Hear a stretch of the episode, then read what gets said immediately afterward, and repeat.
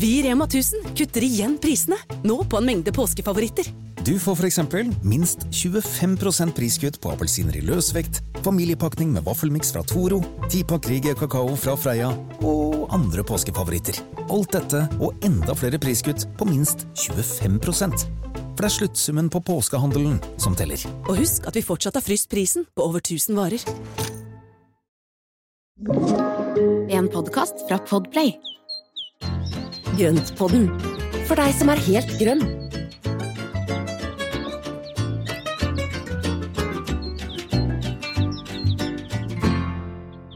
Hallo, alle sammen. Velkommen til Grøntpodden. Hallo, hallo. Hallo, Nå er det gått litt, eh, si, nå er det gått en liten stund siden sist. Eh, Så det er veldig hyggelig å er tilbake, og veldig hyggelig å se deg, Marianne. Ja, takk i like måte. Nå er det liksom rukket å bli sånn cirka midten av februar.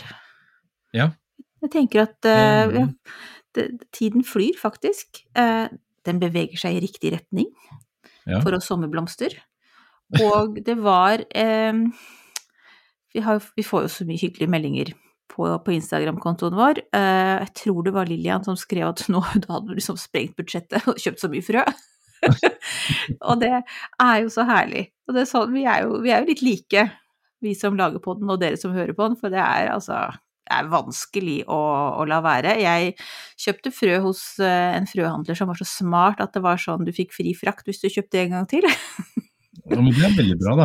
Det er veldig bra liksom, oppmuntring til å kjøpe mer.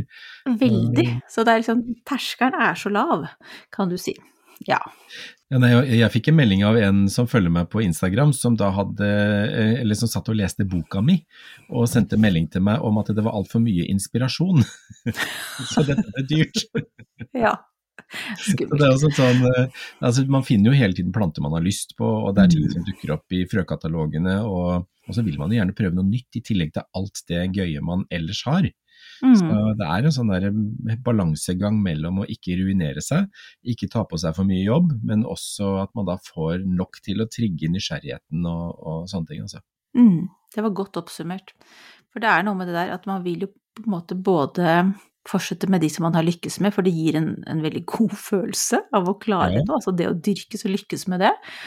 Men samtidig så vil man jo også teste noe nytt og utfordre seg sjøl litt, og ellers så blir man bare begeistra for noe nytt. Sånn som at jeg i fjor da prøvde meg på Linné-tagetis. Mm. Uh, ikke sant? Og det er liksom sånn Noen ting er sånn som man bare kanskje prøver én gang, og andre ting blir en del av repertoaret, kan vi jo si. Ja. Og da blir det faste, da blir det faste gjengangere der, altså etterpå. Jeg har jo det samme med sommerfloksen. Mm. Uh, prøvde den ett år, og etter det så må jeg bare ha den. Det er, det er jo liksom ikke Kommer ikke unna. Og det er Nei. eh, så mange fine varianter også. Tenk på alle de overraskelsene vi har foran også, tenker jeg. Sånn som mens jeg strevde, jeg strevde ikke med den tagetisen, men eh, jeg flytta den veldig mye rundt for å finne liksom det optimale stedet, for det her var jo i en stor krukke. Mm. Så kom jo kosmosen bare sånn flaksende ved siden av i et annet sted og bare koste seg og ble kjempesvær, ikke sant. Så det var så, så, så lett å holde på med. Så det er også sånne erfaringer man prøver å huske på. Men det er jo det. Og, men det er jo det også da Noen ganger at det er ting som bare går, går litt av seg sjøl. At man ikke behøver å gjøre så mye eller jobbe så mye for å få det fram. Mm. Det er jo kanskje litt, eh, ja, litt utfordringer noen ganger. For at jeg, ser på meg selv at noen ganger så velger jeg da planter som krever litt mer enn det jeg hadde forutsett. Og Mm. ender opp med å jobbe vettet av seg for å få tingene til å se ålreit ut. Mm. Og det, nå fikk det oss fint inn på ukas tema, ikke sant? Men, var, det, var det helt Det var ikke, det var ikke meningen. Fantastisk! Gud a meg, Espen. Ja, for vi har jo tenkt å snakke om den lettstelte hagen. Mm. Er det mulig? Hva legger man i det begrepet? Har man Ja. lyst til å ha lettstelt hage? Altså hva vi skal liksom, Først så skal vi filosofere rundt det litt, og så skal vi faktisk komme med si, noen tips som gjør ja, Som kan gjøre hagearbeidet litt mindre omfattende, da, rett og slett. Mm. Ja, nå var jeg litt rann, uh, kjapt ute, Espen, for egentlig så du har noe vi hadde, Før vi startet med ukas tema, da, så hadde du noe litt på hjertet. Eller egentlig litt på vegne av oss begge, men fall, du kan få lov til å si det. ja, ikke sant. Nei, det er bare det at uh, det har jo vært en litt ruglete start på året. Uh, vi har jo hatt en litt sånn redusert uh, drift i forhold til tilstedeværelse, men nå har jeg planen at vi skal komme ukentlig. Mm. Sånn at vi sånn som normalt gjør.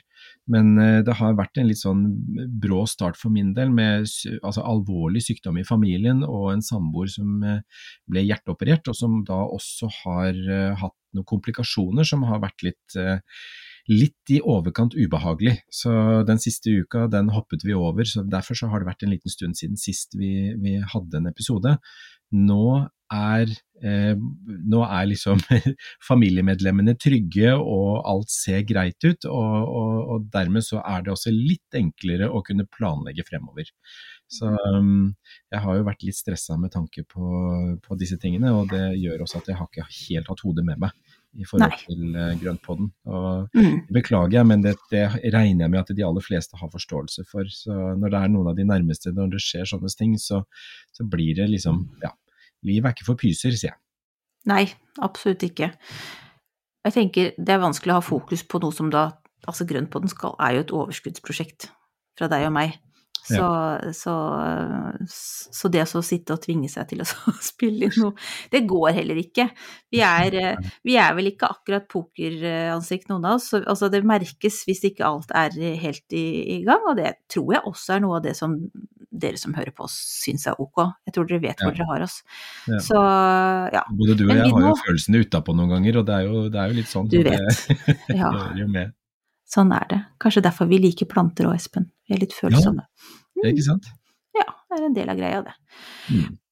Men i hvert fall, vi tenker, og vi har veldig lyst til, å fra nå av starte med ukentlige episoder. Um, mm. Og vi har fått en del tips, eller si, ideer, forslag til episoder allerede. Kom gjerne med flere. Så det som er at vi, vi svarer fryktelig sjelden på spørsmålene som kommer i DM i DM. Vi tar dem gjerne med oss inn i episodene. Mm. Eh, så for all del, send oss eh, spørsmål og innspill, eh, og så skal vi forvalte det etter beste evne. Mm. Og det er massevis av temaer som vi både har lyst til å snakke på egen hånd også, eller som vi har liksom tenkt mm. og snakket om og diskutert, ja. og notert oss. Så vi har en lang liste. Så vi får bare passe på at vi får fly, fylt opp de ukene fremover i riktig rekkefølge, sånn at de hører sammen med sesongen. Så tenker jeg at dette blir gøy. Det er som det som er utfordringen. Å få stabla dem riktig. Hvis det er en sånn ting som vi syns er ekstra festlig å snakke om, så nesten, altså det er vanskelig å vente til riktig mm. timing. Mm. Men ja, vi skal, gjøre, vi skal, gjøre, det så relevant som mulig for dere. Men skal vi begynne med den lettstelte hagen, da? Fordi ja. vi tenkte at det er et greit tidspunkt å gjøre det på nå, før vi setter i gang for alvor. Det er nå vi sitter med alle disse eksotiske frøposene og gigantomaniske planene våre. Eh, de store drømmene. De store drømmene. Og samtidig så kanskje noen bare tenker jeg orker ikke å gjøre så mye. Eh, jeg vil egentlig bare at det skal liksom se ut som det gjør, uten at jeg må gjøre noe med det. Jeg er sånn to, altså to, hva skal vi si, to eh, det er, altså, Man kan ikke få begge delene, det er det jeg prøver å si. Nei. Nei. Motpoler. Du, sitter, du sitter og strekker deg veldig nå, så jeg ja, veldig. Så her er, det, her er liksom her, høyre arm, hånd, så er det ønske om lettstelt hage, og der er alt man har lyst til å putte i hagen. Ja. Det går ikke helt eh, i hop, så man må liksom prøve å tenke litt gjennom ja, hva er det man vil med hagen sin. Ja. Ikke sant? Og så er det jo forskjellen på en lettstelt hage og en vedlikeholdsfri hage. Ja. Og du har jo tenkt Det her vet jeg at du har veldig sterke følelser rundt, Espen, så For du trenger ja. ikke Letzeltage, du syns det er veldig hyggelig å ha masse prosjekter. Nei, men her men du... går alt helt av seg sjøl. Altså, det, det, gror ikke mose, det er ikke et ugress. Alt er bare tipp topp, og jeg gjør ingenting. Jeg sitter bare og ser på at dette her er helt perfekt. Sitter med et lite glass vin og koser deg, og så nyter ja, du det perfekte. Nei, vet du hva. Det er, det er, Jeg har mye følelser rundt akkurat dette her, fordi det er en del som snakker om at man skal ha en hage som ser smashing ut uten å ville gjøre noen verdens ting. Mm. Og det går ikke an. Det er min teori. For det Mm. går ikke an at, eh, at, eh, som du sier, at du kan ikke ville ha alt det der, og så vil du ikke gjøre noen ting for å få det. Mm. Men da at det finnes mange grader på denne skalaen fra å ikke gjøre noen ting til å være, altså stå med rumpa i været og hendene i bakken hver eneste dag, det er det jo selvfølgelig. For dette, vi er jo alle sammen som driver med hage og planter, er jo et eller annet sted på den skalaen. Mm. Fra ingenting til veldig, veldig mye. Og så er det bare å finne ut hvor er du som person, og hvor er, det, altså hvor er, vi, hvor er vi igjen på den skalaen, og hvor mye tid har vi lyst til å sette av. Og så er det selvfølgelig massevis av smarte løsninger som gjør at den innsatsen kanskje er begrensa til en kort periode for å få etablert det, og så går det nesten av seg sjøl etterpå. Mm. Ja, for jeg tenker det er ikke noe gærent å ha lyst på en hage som du ikke trenger å bruke så mye tid i, eller ha lyst til å, å altså, bo der. Men, men du må på en måte finne ut hva du har tid til, hva du har økonomi til også, Mm. um, og hvor mye energi du har til det. Uh, så ta det derfra. Så det er vel på en måte altså, Kanskje det er feil å si lettstelt hage, men kanskje det er mer det riktige hagestellet for deg. Altså mengden Mm. tid du skal legge ned i det, og, og, vers, og opp mot da resultatet du ønsker deg også. Du må heller liksom finne ut hvor, hvor du ligger der, da. Mm. Eh, og da må man nesten teste seg litt fram. Eh, jeg kan jo si at eh, etter de første årene med kjøkkenhage, så fant jeg ut at det var veldig ambisiøst, for jeg har tross alt andre deler av hagen som jeg også må holde på med. Så Mm. da roer jeg litt ned, ikke sant. Så det er litt sånn, man må nesten prøve ut hvor den, eh, hvor nivået eh, for hva man takler, eh, ligger hen. Og så er det jo også en smerteterskel i forhold til liksom hvor, hvor døgnet, altså hvordan døgnet skal strekke til. For det gir jo ikke akkurat noe godfølelse når du hele tiden tenker på at åh, jeg skulle ha gjort det, og jeg skulle ha gjort det, jeg skulle lukt der, og samtidig så skulle man ha kjørt unger på trening, eller så skulle man ha rukket noe jobbprosjekter, og så skulle man ordna noe med familien ellers og vært på besøk hos venner. Og det er jo noe med at man ikke må liksom sette seg selv i en situasjon hvor alt går i ball. For det, det, er jo, det er jo derfor det er viktig å tenke etter disse tingene i forkant. Mm. For naturen klarer seg jo på et eller annet vis. Altså vi kan si at ja, så kanskje en, en plante visner, da, for at den ikke får Mm. den pleia. Andre ting vil jo da frodig, bli frodig og trives enda bedre. Så det vil jo, altså hagen vil jo um, på et eller annet vis vokse, vokse og utvikle seg videre uten deg. Det jeg tenker på er jo det at man skal jo legge ned den innsatsen man har overskudd til og tid til. Det skal ikke bli noe sånn at du skal ha dårlig samvittighet for at plenen din ikke er klippa innen en viss dag.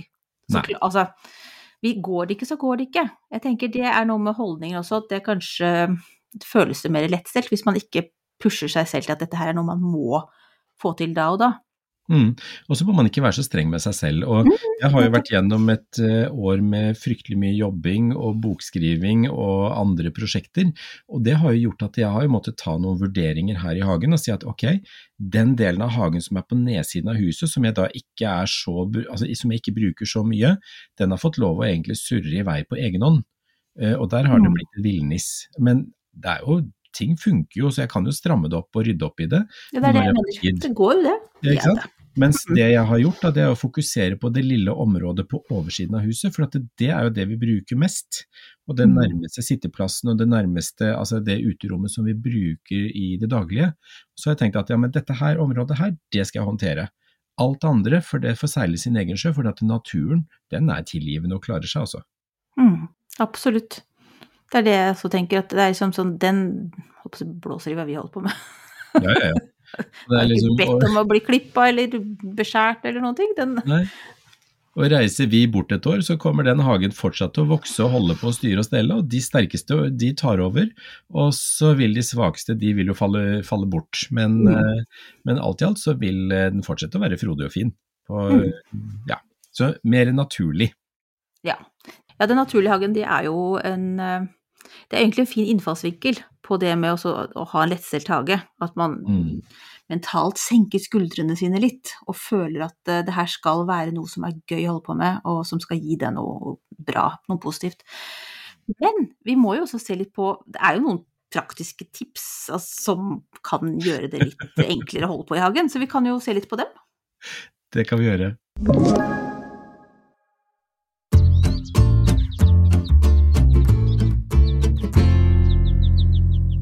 Skal vi se, Espen. Altså her har jeg da skrevet stikkord for denne delen av episoden er da noe så langt som praktiske tips for å gjøre hagearbeidet mindre omfattende. Det høres ut som Mm. en filmtittel på en litt sånn snål film, men det er i hvert fall det, det, er det vi skal, Skal vi komme med nå. Den kan vi lage. Det litt sånn slapstick-humor, tenker jeg, sånn at det kan bli litt morsomt. Det kan du gjøre, vet du. Du kan sånn det film og sånne ting, er litt uh, igjen. Ja. Nei, men skal vi se. Hvor skal vi begynne? Altså, jeg tenker ja, hadde du begynt? Ja, Nei, men gud ja. men jeg tror jeg begynner på nytt. ja, ok. Praktiske tips for å gjøre hagearbeidet mindre omfattende. Det høres veldig by byråkratisk ut. Slash en snålfilm. Eh, ja. Eh, og vi har jo liksom en smørbrødliste, litt sånn hulter til bulter. Skal vi, er det noe sted det er logisk å, å begynne? Jeg tenker kanskje vi skal begynne med plantene sjøl, jeg. Ja, det er jo en, eh, en Skal vi se Planter er jo En del av hagen. med, ja, det er en del av hagen, tro det eller ei. Men vi snakker eh, ikke ja, om plastplanter eller noe sånn, vi snakker om ekte vare. alt ekte vare. ja. Ja.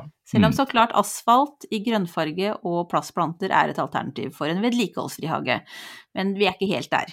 Nei. Nei, slutt å tulle. Skal vi se. Eh, Jeg tenker stauder. Ja. Stauder er enkelt, eh, og stauder er jo robust og klarer seg sjøl, og det er jo planter som, som kommer igjen år etter år. Altså du krever, det kreves jo ikke noen ting i forhold til dette her med å sette ned nye planter eller å få ting til å ja, eller utvikle det noe særlig. For hvis Mm. du har et staudebed, så kan du putte inn det, og så vil de vokse seg til. Det er smart å dele de en gang iblant når de begynner å bli for store, sånn at alle får plassen sin. Eh, Men, eh, men i utgangspunktet så er det utrolig enkle planter. Mm. Og Det er mange. Altså det er så store mengder av stauder, så du finner jo stauder for alle klimasoner, Mm. alle forhold, alle farvepaletter og hva du har lyst på og hva du liker selv. Så Mm. kan du ha et staudebed som, som, som klarer seg og som stort sett er selvgående. Mm. Og så er det én ting til, og det er jo da hvor man plasserer plantene. Mm. Så du får Altså hvis du plasserer en som liker skygge i sol, så vil det jo kjempehardt for å få det til å trives. Ja. Det krever jo mer jobb. Ja, så det er jo da å gjøre research på hvor plantene trives, altså riktig plante på riktig sted. Uh, og det er, jo, det er jo kjempeviktig, og det er jo alltid viktig uansett. Men eh, at man da har eh, en, liksom, en del planter som du sier at ja, disse klarer skygge, og da planter man de i altså halvskygge skygge, og så, og så samle de der hvor de passer og trives. Det som er også lurt, det er jo det at hvis du finner planter som trives ekstra godt med ditt jordsmonn klima, din klimasone, så er det å, å finne flere planter i samme familien. Mm. Sånn at man da bygger ut, bygger ut det. Så hvis du da har kjøpt deg en solhatt og den stortrives, så hvorfor ikke kjøpe flere solhatter i forskjellige Mm. farger, forskjellige kombinasjoner, og så sette sammen da flere innenfor samme, eh, samme plante. Det, det er et godt råd, fordi det er lett å forelske seg i en plante, og så men det er dumt å insistere på at du skal ha den, hvis du ikke har forutsetninger. Ja, men det er jo altså Jeg snakker om meg sjøl her nå. Det er Veldig Kjempeverbena. Eh, Du skal skal ikke- klare deg, du skal klare deg. Kom igjen da, du skal klare deg. Sånn generelt, da. Altså noen jeg, jeg er unntaket som bekrefter regelen. Akkurat disse kjempearbeidene skal jeg fortsette en gang. Men generelt så er det jo veldig dumt på å insistere at du skal ha rododendron hvis du har helt annet jordsmonn enn det som de vil ha, for eksempel. Mm. Det finnes så mange flotte planter at du vil finne noe annet som er gir deg også glede, og som trives i hagen. Det vil jeg nesten vedde på. Ja, og spille på lag da med naturen istedenfor Yes. å liksom jobbe mot, det er, Mm. ja, det er kanskje et av de tipsene som, eh, som er viktigst. Altså spille på lag med naturen, og ikke jobbe imot naturen. Mm. Ja. Det er sånn litt overordna, tenker jeg. Mm, ha det som en tanke gjennom hele, så er det, det er en god veileder mm. i hagestellet og valg man tar. En annen ting som mange syns er kjempekjedelig, er jo luking. Um, er det noen som syns det er gøy? Ja, det er jo syns det sikkert- sikkert er gøy. Jeg, ser det på deg. Det er tilfredsstillende å se at ting blir borte og det blir fint og Nei, nei, nei, vet du hva. Her blir det ikke gjort mye luking. Eh, og det er fordi at jeg planter så tett at det er ikke noe rom for ugress å komme opp. Mm. Det er også en teknikk, for at da kan man bare plante så tett at, eh, at de plantene som kommer opp, de, de eh, håper å si, kveler ugresset. Mm. Eh, og også velge planter eller stauder med store blader, som, og det har vi snakket om før, altså de hjelpsomme staudene som da f.eks. store hosta eller skjoldblomsterblad eller sånne ting, som får blader, kommer opp, dekker over, og da er det ingen ugress som klarer å komme seg opp og, og forstyrre det. Mm. Så Absolutt. Og markdekkere, gode- så klart. Ja. Mm. Så voksekraftig gode stauder eh, og tett planting gjør at du får mindre ugress. Og så tenker jeg at noen ganger så må man bare akseptere at det er litt ugress. Mm.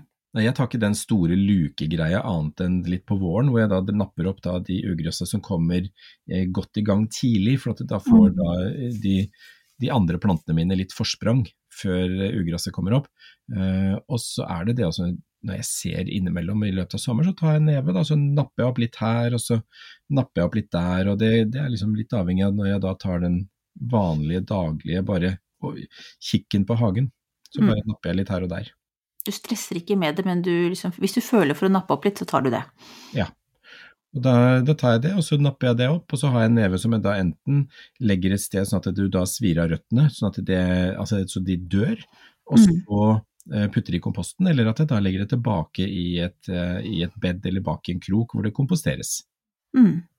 Så tenker jeg man også må ha igjen litt det der andre blikket på, på ugress. Det er jo egentlig vekster eller planter som er et sted der du egentlig ikke er helt enig at de skal være. Det er jo ikke sånn at de gjør jo egentlig ikke noe gærent, med mindre de da overtar for andre planter som du heller vil ha. Altså, men Ja, altså liksom, sånn som jeg og den skvalerkålen, vi er jo ikke helt venner, men den er jo søren meg ganske pen når den blomstrer. Jeg må jo innrømme det, selv om den da står helt feil i forhold til hva jeg vil. Ja. Men hvis man er skikkelig lei av å, eller har vondt i ryggen, kanskje, og ikke orker mm. å stå og, og luke i et bed, så er det jo, kan man jo også altså gå over til krukker. Altså Ja. droppe bedene og så heller ha krukker. Ja, og det er en veldig god løsning, også da eh, ha krukkeplanting. Men det som er med krukker er at hvis du har små krukker, så må de vannes ofte. Og det er lurt å da velge store plantekar, Mm. kasser, eh, gjerne litt høyde på, men altså at de er store og har et stort jordvolum. Eh, for et stort jordvolum kan ivareta større planter, men det krever heller ikke så mye vanning. Mm. Ja, det er et godt tips. Ville du da ha For nå tenkte jeg litt sånn samplanting, og så hvis man hadde sånn real krukke.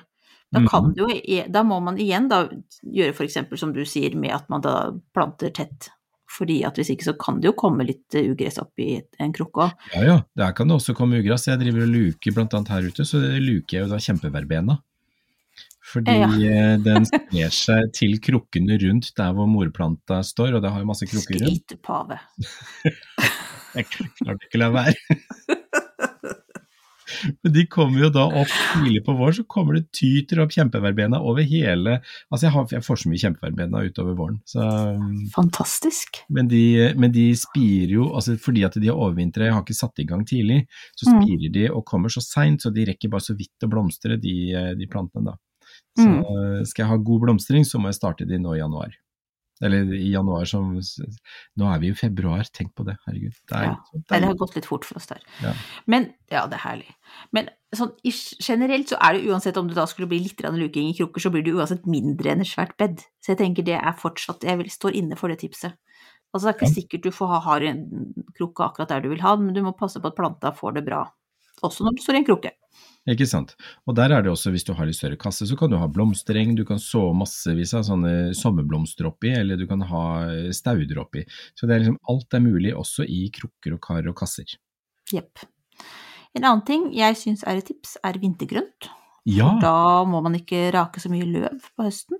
Og så er det Ja, det er- pent om vinteren, uten at du må nødvendigvis liksom kjøpe fryktelig mye nytt som er vintergrønt i krukker, så kan du ha det planta ned i hagen.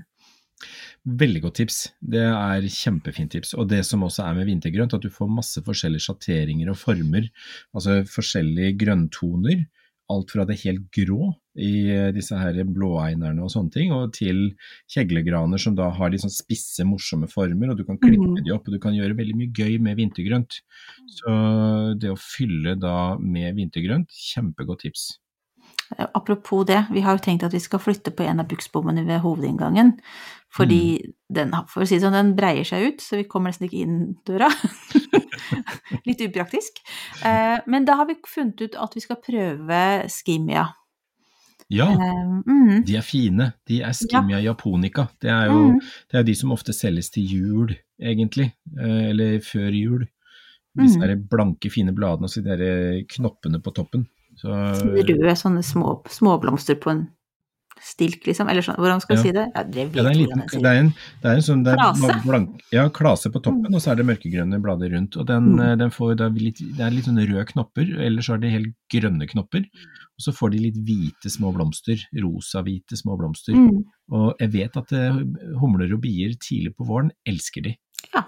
Og den, Når eh, er det jeg skal skal kjøpe det, hvis jeg har tenkt vi skulle gjøre det her? Altså, for det, det, de finnes på hagesenter overalt, eller hele hele året? kjøpt, hos deg så ville jeg kjøpt den nå. Ja. Og så ville jeg planta den Har du tæl i bakken? Uh, nei, nå har vi nok ikke det. For å si det sånn, det har vært Vi fikk et lite blaff av snø, som nå har gått over til slaps. Så nei, vi har ikke tæle akkurat nå. Nei. Nei. Nei, for da ville jeg faktisk ha Hvis de har den i hagesentrene nå, så ville jeg hos deg så ville jeg ha bare tatt den og kjøpt den og planta den nå. For da, så lenge ikke det er tæl i bakken, så er det Altså, det blir jo Hos dere så blir det jo ikke noe særlig mer frost heller, vil jeg tro. Så Nei, jeg tror, jeg tror vi, er, vi har jo hatt det skikkelig kaldt, overraskende kaldt, men jeg tror den perioden er over nå. Mm. Det som er, jeg har jo ikke tenkt på at den annet enn som en sånn dekorativ førjulsplante.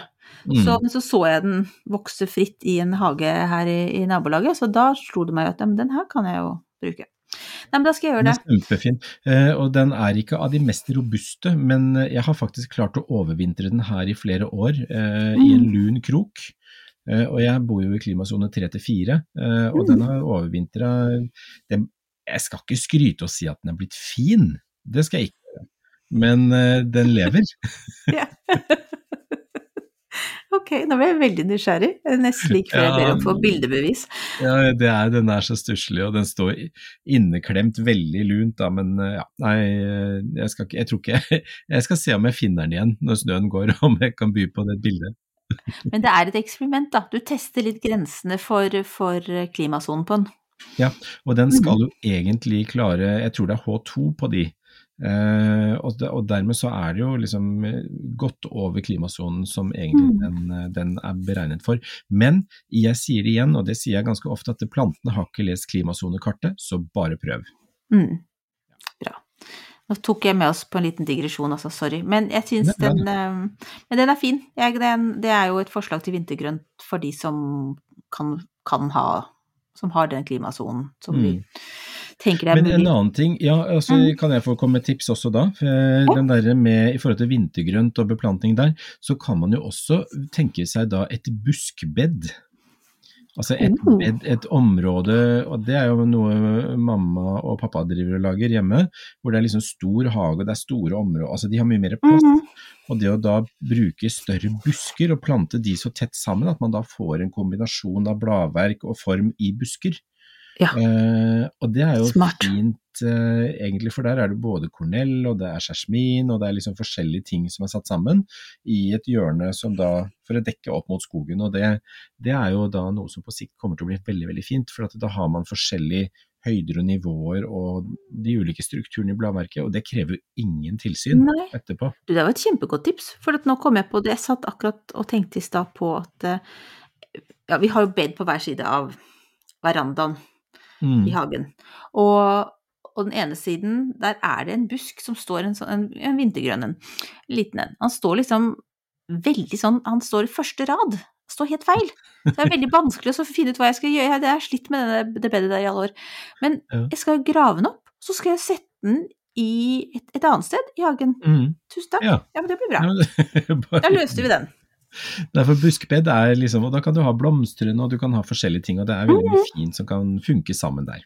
Men da må man bare tenke mye større. Tenk stauder, så tenker du liksom smått. Buskbed, da tenker du liksom større volum. Mm. Men det er jo samme prinsippene. Ja, ja. Og det gjør litt mer ut av seg. Hvis, som sier, hvis man Mm. har litt stort areal og man skal dekke med noe herlig eh, frodig, så er det jo supert. Mm. Jo, og så tenker jeg, for den litt mer eh, lettstelte hagen, robuste materialer i det man Altså, nå tenker jeg ikke på plantene, men sånn Altså Der kan man jo prøve å finne litt mer vedlikeholdsfrie ting. Ja. Eh, som gjør at man slipper å bruke tid på det i tillegg til å pleie plantene. Er nevner i fleng. De. Nevner i fleng.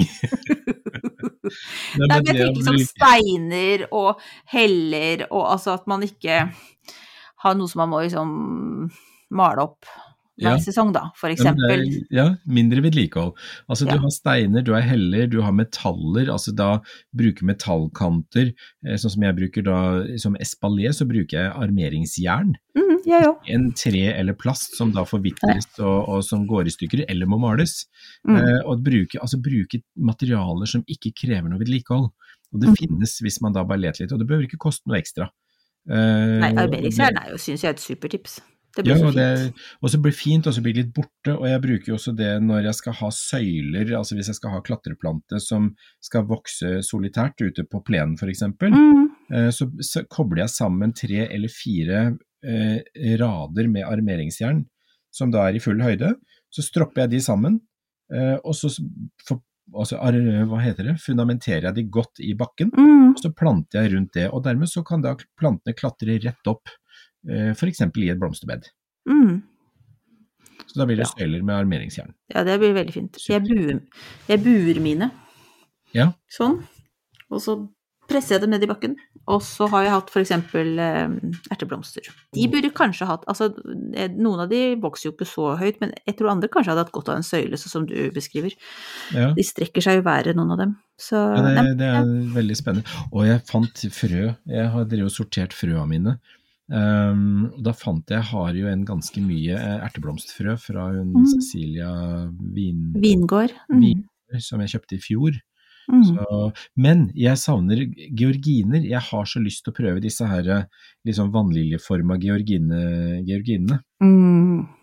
Åh, det har jeg så lyst til, og jeg finner jo ikke det noe sted. Har dere det i Sverige? Ja, det kan jo være. Du får sjekke, så kan du bestille, og så kan jeg ta, ta med til deg neste gang. Det er bare ikke noe. Det er lov, det. Kanskje, vi skal kanskje ikke, ja, er det lov? Vi skal kanskje ikke si sånne ting her. Vi vet ikke. Vi tror det er lov. Men nå snakker vi om Vi må noe sjekke, vi må sjekke Ja, regelverket. Mm. Ja, nå snakker vi om noe helt annet. Jo, skal vi se. Robuste materialer var en ting, ja. Og så klart så er det jo der de gode hjelperne. Ja. Vanningssystemer. Eh, robotgressklippere. Har du noen tips der?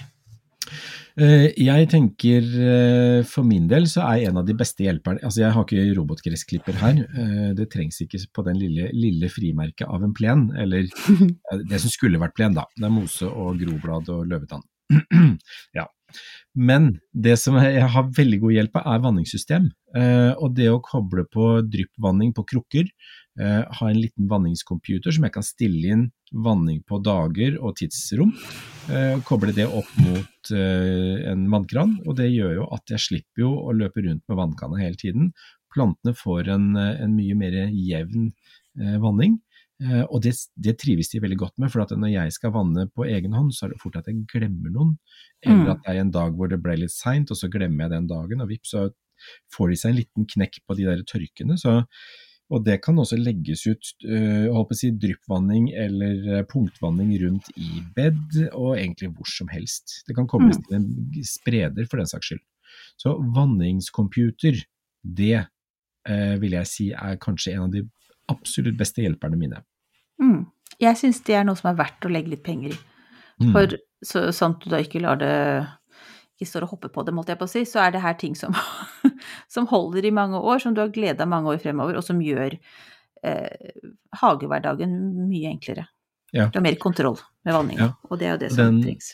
Ikke sant, og den, den eh, Nå har jeg en computer i, i garasjen, skal du høre. Det eh, Hva er det heter? Eh, drivhuset. Jeg har Ja. en, hodet mitt er litt i alle retninger her. Men jeg har jo da en computer i drivhuset, og så har jeg en her oppe i hagen. Og det, det er jo de to har jeg hatt nå i kan det være en seks-syv år? Mm. Fem-seks år. Så, så de holder jo. Så det er jo Mm. bare å stelle pent med de, ta de inn før frosten kommer, Ja. sørge for at de ligger tørt og liksom tar ut batterier og sånne ting, og så er det ut igjen neste år. Funker som Mm. rakkeren. Absolutt. Tenk, det er bedre å ha en vannslange for mye enn for lite. Eh, Ikke knøle på akkurat de tingene der, eller koblingspunkter, eller altså alt det der sånn. Som du sier, hvis man tar godt vare på det, gir dem plass inne eller under taket om vinteren, og tømmer slangene før frosten og sånne ting, så har du jo glede av det her i mange år fremover. ja, ja, ja. Er det noe mer da? Altså, jeg Jeg tenker Nei. liksom også kanskje at man tenker at du ikke må Altså, du må ikke stresse med det her. Sett av Kanskje du skal lage en rutine, så liksom du veit at uh, dette er viktig for meg. Jeg må, gå, jeg må få vanna. Jeg må få klippa plenen. Det tar ca. så mye tid. Og at man liksom ikke tenker at nå må jeg være her kjempelenge, men heller ha kanskje daglige rutiner, eller altså hva som det er behov for, men at man liksom veit Det kan føles mye lettere hvis man på en måte har kontroll over hva som skal gjøres, da, på forhånd. At du går ut der og har en liten slagplan, og så får du gjort det, og så ja, enten så koser du deg mens du gjør det, eller så koser du deg på en stol etterpå og ser over god samvittighet og en, leser en god bok og drikker noe et eller annet. Ja. Altså, ikke sant? At det, altså, det har noe med innstillingen, da, som vi jo har snakket om litt i, i forkant også, men det å bare lage en liten plan. I dag skal jeg faktisk gjøre dette. Ja. Da prøve, altså, vi, vi vet begge at vi har veldig lett for å liksom se å ja, det her skal jeg også gjøre. Og det og det og det. Og så ble den ene timen ble da til hele kvelden. Men det går jo an å begrense seg sjøl, og så si nei, men nå er jeg fornøyd. Ja, ikke sant. Men jeg tenker at hvis du da kommer ut der og begynner å gjøre noe, og så blir du dratt videre til det ene og det andre og det neste og det tredje og fjerde, og kvelden har gått, så tror jeg kanskje at man har kost seg litt også. Det er nå, også litt, nå snakker jeg egen erfaring, at når jeg da surrer rundt uti der, så stopper jo tida litt opp, da. Mm. Eh, og det at man da eh, sier at eh, kanskje de, de store grove, altså grovarbeidet, det kan gjøres sånn at da hagen er relativt lettstell, så kan man gå og pusle med de andre mindre tingene innimellom. Eh, og da er det i, veldig ofte at man da koser seg såpass med det at tida går litt fortere enn planlagt. Mm. Og hvis de ikke gjør det, så kan dere gjøre som jeg sa. Lag en plan. Nei, men jeg, jeg forstår veldig godt, for det er jo så herlig når du kommer litt inn i den der modusen at å gud, altså, Ja, du pusler litt her og der. Men hvis du, er, hvis du er da mer mot den lettstelte hage, hageeieren, mm. eh, eller har en klesvask som skal henges opp, og unger som skal legges, eller noe sånt, så, så er det liksom, og du blir litt stressa og kjenner at skuldrene fyker oppover når du tenker på hagen, så bare setter du opp en liste. Dette må jeg gjøre. Dette kan vente. Dette må jeg gjøre. Vær snill med seg sjæl. Ja, det er jo derfor vi har hage. Som sagt, altså hagen er jo til for oss. Eh, eh, for naturen driter egentlig i hvordan den ser ut.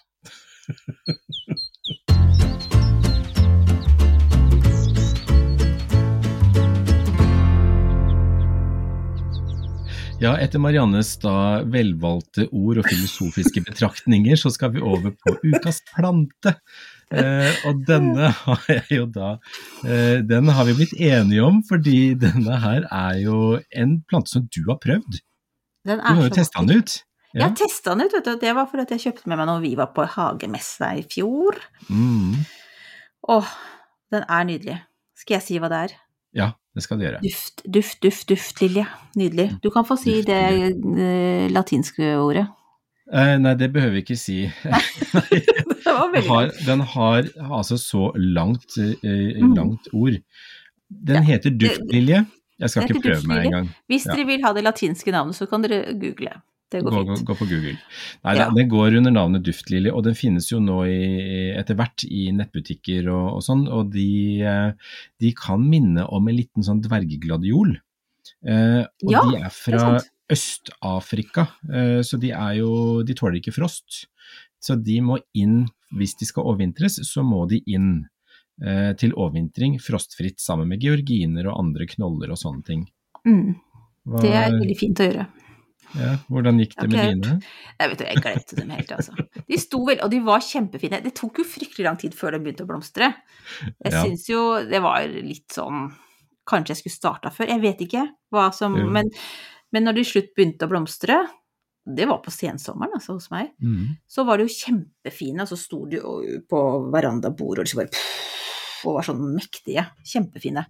Men jeg skulle gjerne hatt enda flere av dem, så jeg tror neste år så må jeg, jeg må, For det første må jeg vel sannsynligvis kjøpe nye, da. Siden jeg nå klarte å la dem stå igjen ute på Ja, verandaen. din, dine er døde, det er garantert. Ja. For i en potte så har de fått frost, og så, så er de døde. Mm. Men neste år, sier du, du rekker å få de i år? Ja, jeg mente i år. Gud, Ja. ja, nå var jeg Det, Yes. Denne sesongen. ja, ikke sant. Men det, det, det, det med duftliljer er at de faktisk er, de er seintblomstrende. Så det er jo en plante som da blomstrer sent på sommeren eh, og litt utover høsten. Og det Mm. er jo en fin ting egentlig, for da Ja. er det ikke så mange planter som blomstrer. Mange kommer tidlig på sommeren, og så er de underveis, og så kommer det noen veldig sent. Men dette her er en sånn fin mellom, eh, mellomperiode. Mm. Eh, og så lukter de godt, pene å se på, kjempefine å bruke i vase, ha de som snitt. Eh, og kjøp gjerne en to-tre pakker av de når man da skal ha de, for at det, man vil gjerne ha flere av de. Absolutt. Jeg var altfor knølen. Jeg skal kjøpe mange, mange flere. Og jeg tror også jeg skal ha dem rett i et bed. Ja, I tillegg til i krukker. Ja. Ja. Nei, de, var, de er elegante og litt feminine og helt nydelige. Ja. Og da kan det jo plantes ut så fort jorda er frostfri og mulig å bearbeide, for da vil den begynne å sette røtter og sånne ting med en gang. Mm. Så, så fort Ja, så, så det er bare å kjøre på. Og den Mm. eh, har jeg sett på flere nettbutikker. Jeg vet Garden Living har den, og ja, nei, det er flere som har den. Så Mm. Ja, verdt et Kan eh, stifte bekjentskap med duftlilja. Hvis Ja. dere ikke allerede har den. Skal vi se, skal vi dure over til ukens spørsmål, da? Mm, Altså, vi har, har vi tid til to? Hvis Ja. vi er litt sånn kjappe? Ja, vi tar ja, det. Først er det Linda, som lurer på om elefantfot kan berges etter at katten velta den ned så stammen knakk. Har foreløpig satt den i vann. ja. Så de kattene, vet du. Hvis de ikke hadde vært så søte, så hadde man vært utrolig irritert på dem av og til, for de gjør mye ugagn. ja, det gjør de. Jeg vet mamma og pappa har jo fått seg katter, og, og de har jo ødelagt så mye. Så jeg vet alt om det. Mm. Ja. Kan den reddes, Espen? Jeg trodde Ja. jo ikke, og så sa du sånn jo, jo da. Jo da, vet du, hva, det meste går. Naturen får det til, vet du. Og dette her er jo da elefantfoten. Hvis det er den jeg tror, så er det den som heter Baucarnea recurvata, som har da en litt sånn klumpete fot, litt stilk eller stamme opp, og så har den tynne og litt sånn fine, litt vridde blader som henger mm. nedover. Men Når du kutter toppen av den, så vil jo den sette nye skudd ved, altså rett under sårflata fra, på den biten som står igjen i potta. Så Ja. den vil jo da få en ny krone der hvor, eh, der hvor oh, ja. eh, stammen er knekt av. Mm. Den vil være fin, eh, men toppen, hvis den har fått med seg litt grann av stilken, av den stammen som var opp til bladene, så mm. bør den legges til tørk, for dette er en sukkulent. Så kan den tørke et par dager, og så planter du den i en veldrenert jord, og begynner å holde den lett fuktig. Og da vil den antageligvis sette nye røtter, og så kunne vokse videre. Så Linda kan ha fått to planter. Ja. Faktisk. Så katten har hjulpet henne med å få en stikling, en toppstikling. Så den bør faktisk få noe ekstra godt til middag i dag. Ja. Ja. Katten har vært flink. Mm. Ja, så jeg håper ikke Linda har liksom kvitta seg med den nederste delen da, av planta. Nei. Vi får se. Nei, Linda, altså den dette må du fortelle oss om. Ja, Ja. for denne som står i, i jord, den, er Mhm. jo, den vil jo fortsette å vokse, og da vil den sette nye skudd. Og da får den, ja, jeg vet ikke, det er litt avhengig av kreftene som er i, i røttene og hvor mye næring den har, så vil den ofte sette, jeg vet ikke, fra to til fem nye skudd. På Oi. sånn fin, fin sånn dusk på toppen. Mm. Kult. Så bra. Ok, Linda, lykke til. Og så er det Vivian, som mm. har fått gall på en Ja. av pelargoniaene sine. Eh, og har da kastet planten, men hva gjør jeg med de andre pelargoniaene? Og så først vil jeg gjerne da at du forklarer kort hva gall er for noe. Nei, gall er ikke noe gøy. Det er det, Jeg har jo hatt dette her sjøl òg, og det er jo ting som eh, Det er jo da en bakterie. Jeg trodde et øyeblikk at det var virus, men så har vi dobbeltsjekka. Men det er jo en bakterie som da, som da gjør at da stammen den begynner å vokse ut, og så, det, så blir det masse sånn deformert vekst. Det Mm. skjer jo også på altså Pelargonium er én, men det skjer også på georginer. Det kan eh, skje på ulike planter, og det er smittsomt. Så det som er lurt, det er å spesielt å fjerne Nei, og hvis man da har klippa eller gjort noe med den planta som da har gall, så husk å desinfisere utstyret, som saks og kniv osv. Mm. Eh, og så fjerne planta, kast den, brenne den, bare få fjerna den. Eh, de plantene som står rundt, det er ikke sikkert at det har smitta over hvis ikke det har vært helt nær og direkte kontakt, Eh, og da med, fra sårflate til sårflate. Mm. Fordi at når du klipper en smitta plante, og så klipper du en ny plante, da vil du kunne få smitten Ja. Det å ha de rett ved siden av hverandre, det er ikke sikkert at det har, eh, har vært noe problem. Så, så jeg ville anbefalt å bare holde et lite øye med de nærmeste plantene rundt, kanskje isolert de litt grann i perioden utover når vekstsesongen starter, og se etter om det skjer noe der. Og hvis ikke det skjer noe der, så tenker jeg at da er det helt greit. Mm. Eh, Så får og du puste har- letta ut. ja, og jeg har jo hatt det på georgine, og så har jeg hatt georginer ved siden av. Og det har jo de georginene som sto ved siden av, de har jeg da pakka i egen, egen pakke, øh, for å da dyrke de separat neste år, for å se om det For jeg oppdaga dette i høst. Ja, du har lagt knollene for seg sjøl. Ja, sånn at jeg Ja. ikke blander det med de andre, for at det var ett bed hvor det var én plante som hadde gall. Og den dro jeg opp og brant opp i bålfatet, så det var jo borte. Men så de plantene som sto da, ja, sto, kan det ha vært en 30-40 cm ved siden av, de, der sto det tre georginer på rad, og de har jeg da gravd opp, og så har jeg da isolert de. Så de passer jeg på at de ikke har, eh, har eh, fått direkte kontakt med andre som jeg vet er friske. Mm. Hvordan ser man at man har fått gall? Du ser det at det begynner å bli altså det begynner å, å, å svelle ut på stammen, og så blir det akkurat som det blir skudd som ikke blir noe av, og etter hvert så- blir det en ganske stor klump Mm. som sitter inntil stilken. Og jeg har også hatt det en gang på engletrompet. Ja. Uh, Så jeg fikk det, og den kom jo da litt opp på stilken, og så bare plutselig så begynte det å vokse en svær klump ut. Uh, Og den tar altså da krafta fra resten av planta. Ja, så du får deformer, ja, du får Ja. deformert vekst, eller Mm. Det tar ikke så mye krefter, for det, planta vil jo bare få en deformert vekst, og så vil den ikke være så fin som den skal, egentlig. Så det er mest det estetiske. Jeg skal ikke gjøre forminske problemet med fogal, men nei, er dreper ikke- ikke planta. det, Den vil jo på sikt kunne drepe planta, tror jeg. For okay. den, Mm. den blir jo så deformert, og så er det noen skudd som kan bli fine, og så er det, men alt i alt så, så vil planta bli deformert, og jeg tror at Mm. den på sikt kan dø. Men det Mm. som også er kjipt, er at den kan spre seg til andre planter. Ja, så klart. hvis Plutselig har du en haug med rare planter. Ja. Ja, og som da kjemper for livet for å prøve å komme seg, og istedenfor mm. å da bare fjerne det og erstatte det med noe som er friskt. ja. Lykke til, Vivian. Mm. Um, men da kan det høres ut som det kan gå bra med resten av eh, Pelargonia-gjengen din, da. Ja. Mm. Tror det, tror det skal gå bra, jeg. Så, så lenge ikke det er klippa med samme saks eller sånne ting, for da er det litt større risiko for at det da har Mm, mm. smitta mm. over. Ja. Ok, da lar vi ukens to spørsmål eh, ligge der. Nå har dere fått svar. Så lurer jeg egentlig på hva du, skal, hva du gjør nå fremover. Jeg. Hva er planen din liksom, den nærmeste uka med, med hage og frø og planter og inne og ute og overalt? Få høre. Ja, Guri land, det er eh, Altså, det, er- jeg har eh, Jeg henger litt etter, for å si det sånn, for det har Mhm. vært litt mye annet som har eh, skjedd. Og når denne episoden går på lufta, så har jeg forhåpentligvis fått hjem med samboeren. Mhm. Så da blir det litt rolig tempo her hjemme. Eh, Men det som jeg skal gjøre, det er jo det å faktisk um, sanere planterommet mitt i kjelleren, for der oppdager jeg trips. Å nei. Kaste. Altså det skal kastes det meste, og jeg, nå kaster jeg også ting som jeg er veldig glad i, og som jeg oh. har en historie, for nå, nå kjenner jeg at nå er jeg dritlei trips. Mm. Mm. Eh, bank i bordet. Jeg har klart å ikke, altså jeg har ikke funnet noe trips oppe i annen etasje. Eh, så der hvor det meste av plantene mine står, men der nede i planterommet hvor jeg har hatt noe frøplanter og noen sånne litt mer spesielle ting under vekstlys, der fant jeg det nå. Så de jeg ikke kan, eh, å si, kan erstatte, de skal jeg behandle med dusjing, spraying, prøve å drukne, jeg vet ikke hva. Og, og så vil jeg da putte de i minidrivhus, så jeg da holder de isolert hver for seg. Mm. Og så kaster jeg alt som jeg ikke kan, eller alt som jeg kan erstatte. Så ja. Det er litt sånn trasig jobb. Ja, altså jeg tenkte at var det dette du trengte nå på toppen av alt annet? Nei.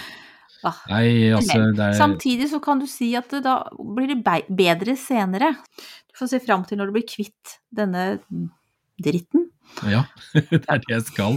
Nei, så jeg tenker at det også få vaska ned og, og liksom Mm. tømt, skylt, vaska, rydda, fiksa, og så starter jeg på ny frisk. Og heldigvis da, så er det jo før jeg har liksom sådd opp så veldig mye, så nå har jeg, Mm. jeg har blodbeger som står kjempefine i et minidrivhus, men de har vært nå isolert, så jeg satser på at de er i orden. Og så har jeg kjempeverbenene som står et annet sted så jeg, der nede, så jeg satser på at det går bra. Mm. Lykke til. Takk. Ja. Så nei, jeg tror det blir bra. Men det blir, det blir i plantens tegn, altså, så jeg skal Ja. få dette også, til å bli. Men så syns jeg også at du skal pushe litt rundt den planten som heter espen. Jeg tror du trenger og litt egentid og litt sånn òg. Det Ja, men takk, og det, det, det skal gjøre det, altså. Men det, det får jeg faktisk med å ordne med de plantene. For, liksom, det, for meg så er det å holde på med plantene gir meg ro mm. og energi. Så jeg tenker at det er, eh, det er sånn destruktivt å skulle kaste, men allikevel så er det jo et steg for å komme videre til å få det Ja. fint igjen, da. Så, Du ordner opp, tenker jeg. Det her er noe som du har Mm. tenkt på en stund også, så blir det godt å få, å få gjort det. Og Ja. så, så er det liksom Så- eh, startpunktet for noe nytt. Ja. Mm. Og så kommer det til å bli en helt fantastisk vår, det er jeg helt overbevist om. Så jeg, Ja, det tror jeg, jeg ja. ser så fram mot den. Ja. Du da, Marianne, hva gjør du for noe? ja, nå er det agurkgardiner på gang. Det er mye Ah. jeg gjør, men jeg vil gjerne egentlig bare snakke om agurkgardiner, jeg. Fordi at eh, jeg kjøpte en pakke, det var seks frø oppi. De er stukket opp som små, herlige frøplanter alle sammen. Så. Eh, Så det jeg lurer på nå, er jo når er det jeg kan plante dem om, og begynne liksom å plassere dem i vinduene der de skal stå og sånn. Altså, Ja. De har bare kommet opp med frøbladene, ikke Ja. øh, Hva heter det andre? Ikke de vanlige bladene? Arts. Ja. Mm. Ja. Skal jeg vente til de kommer? Jeg så, jeg er så utålmodig. Jeg har kjøpt god Jeg- jord, jeg har krukkene klare, alt.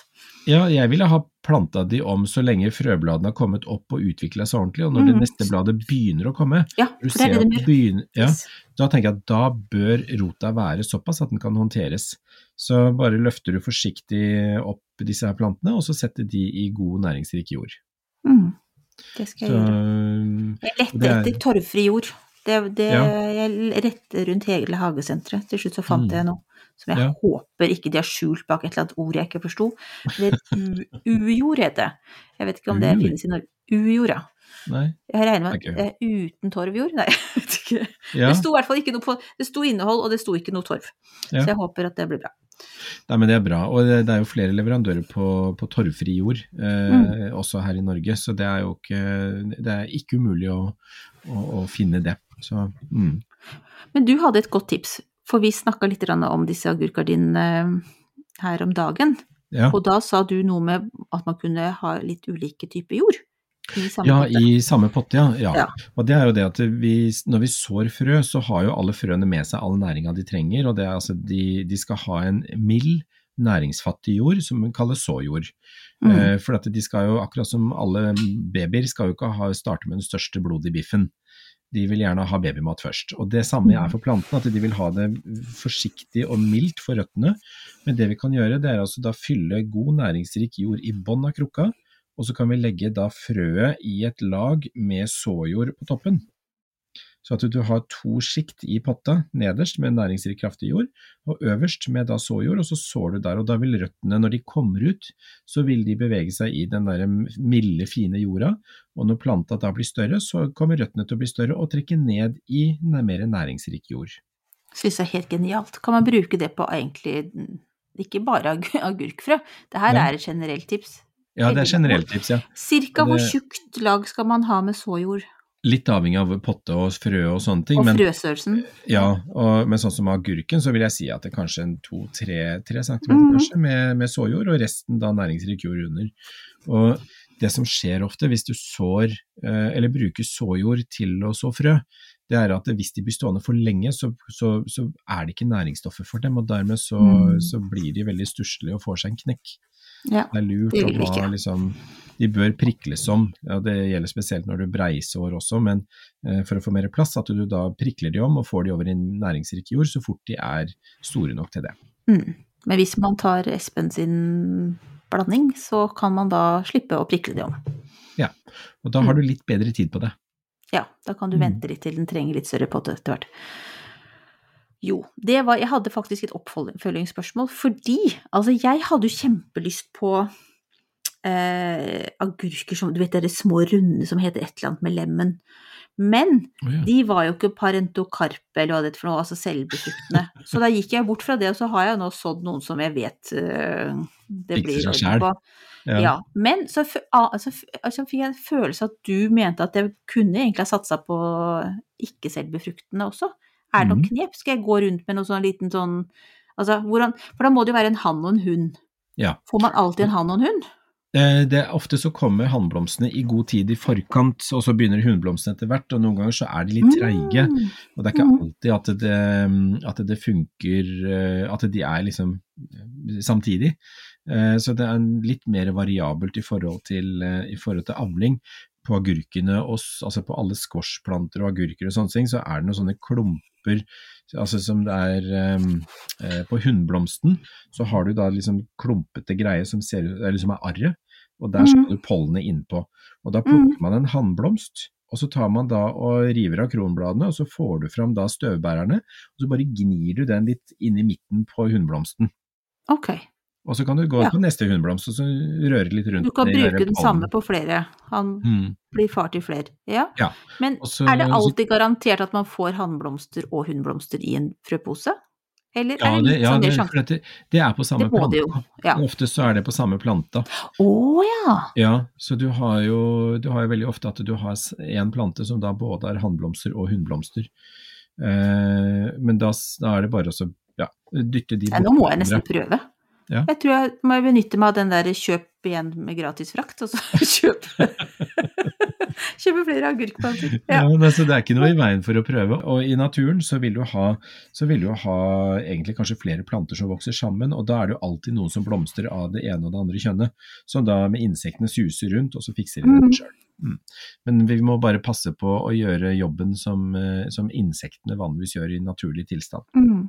Jeg skal ta på meg sånn bie, biekostyme og Ja. så frese rundt blant agurkplantene. Nei, men nå, summe ok, kanskje jeg prøver det. Nå har jeg da egentlig nok eh, agurkplanter til å få gardiner i alle kjøkkenvinduene, men Mhm. eh, ja, kanskje jeg skal teste litt da, sånn som du driver med denne skimiaen din i hagen, så kan jo jeg ta og teste litt også her. Jeg Det er gøy å for teste. pod- kan gjøre det for podden sin skyld, jeg. Ja, Ja, ja, men det er Nå bra, skal det er vi jeg glad for. bestille lemon et eller annet agurk, bare se om jeg Ja. finner tilbake til den. Og da kan du også bestille jungelagurk. Ja, de er så søte. De er så morsomme og søte. Ja. Jeg syns ikke de er noe gode, men de er veldig gøyale. Og så har vi en hund som har diabetes. Det eneste godisen hun får, er agurk. Eh, så da, og hun Altså, kommer garantert å elske eh, alle typer agurker. Det er bare knas, knas, knas.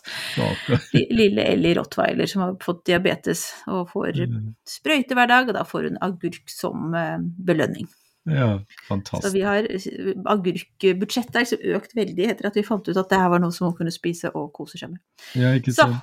Ja. Så Eli gleder seg til agurkgardinene. ja. Nei, men du, nå har vi snakka på oss en hel time eller noe sånt, tror jeg. ja Hvem vi teller begynner, når vi har det begynner å nærme oss, så det Ja. det er bra. Eh, Men- Hva skal vi snakke om neste uke? Jo, da ja, det blir gøy. ja, det blir gøy.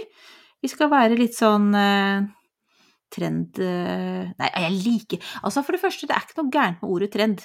Men jeg vil jo ikke akkurat si at vi er trendforskere innenfor hageverden. Men altså, vi skal se litt på det vi ser for oss på hagefronten fremover i år. Mm. Og det blir jo en kombinasjon av, eh, av hva vi tror, hva vi har sett, mm. og hva vi kanskje drømmer om. Kan vi si det? Ja, ikke minst. Ja. Men det er som regel så kanskje vi drømmer om noe som altså andre drømmer om. Det er jo gjerne sånn. Vi er, ikke, vi er jo Vi drømmer litt i takt mange ganger. Så, så vi håper det kan bli inspirerende og litt uh, spennende. Mm. Alt fra planter til, tenker jeg, altså møbler. Funksjonaliteter, selv om det høres vagt ut. Men altså sånn, hvem hadde for noen år siden trodd at kjøkken eh, Utekjøkkenet skulle bli så viktig og proft, eksempel. Mm. Eller at alle skulle ha en pizzaovn ute. Altså, ting skjer. Vi får se hva som skal skje i år. Mm, Det blir gøy. Ja. Det blir gøy.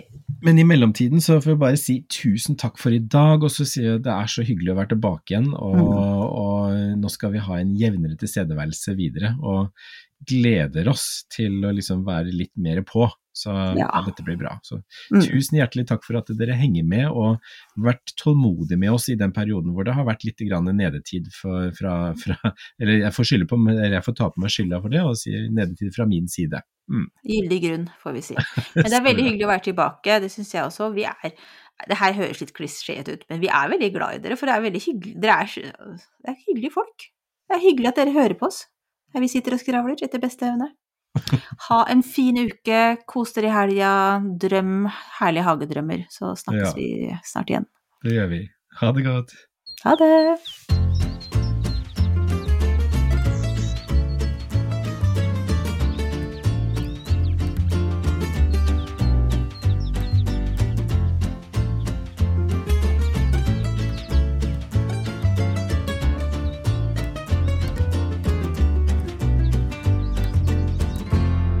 Du har hørt en podkast fra Podplay. En enklere måte å høre podkast på. Last ned appen Podplay, eller se podplay.no.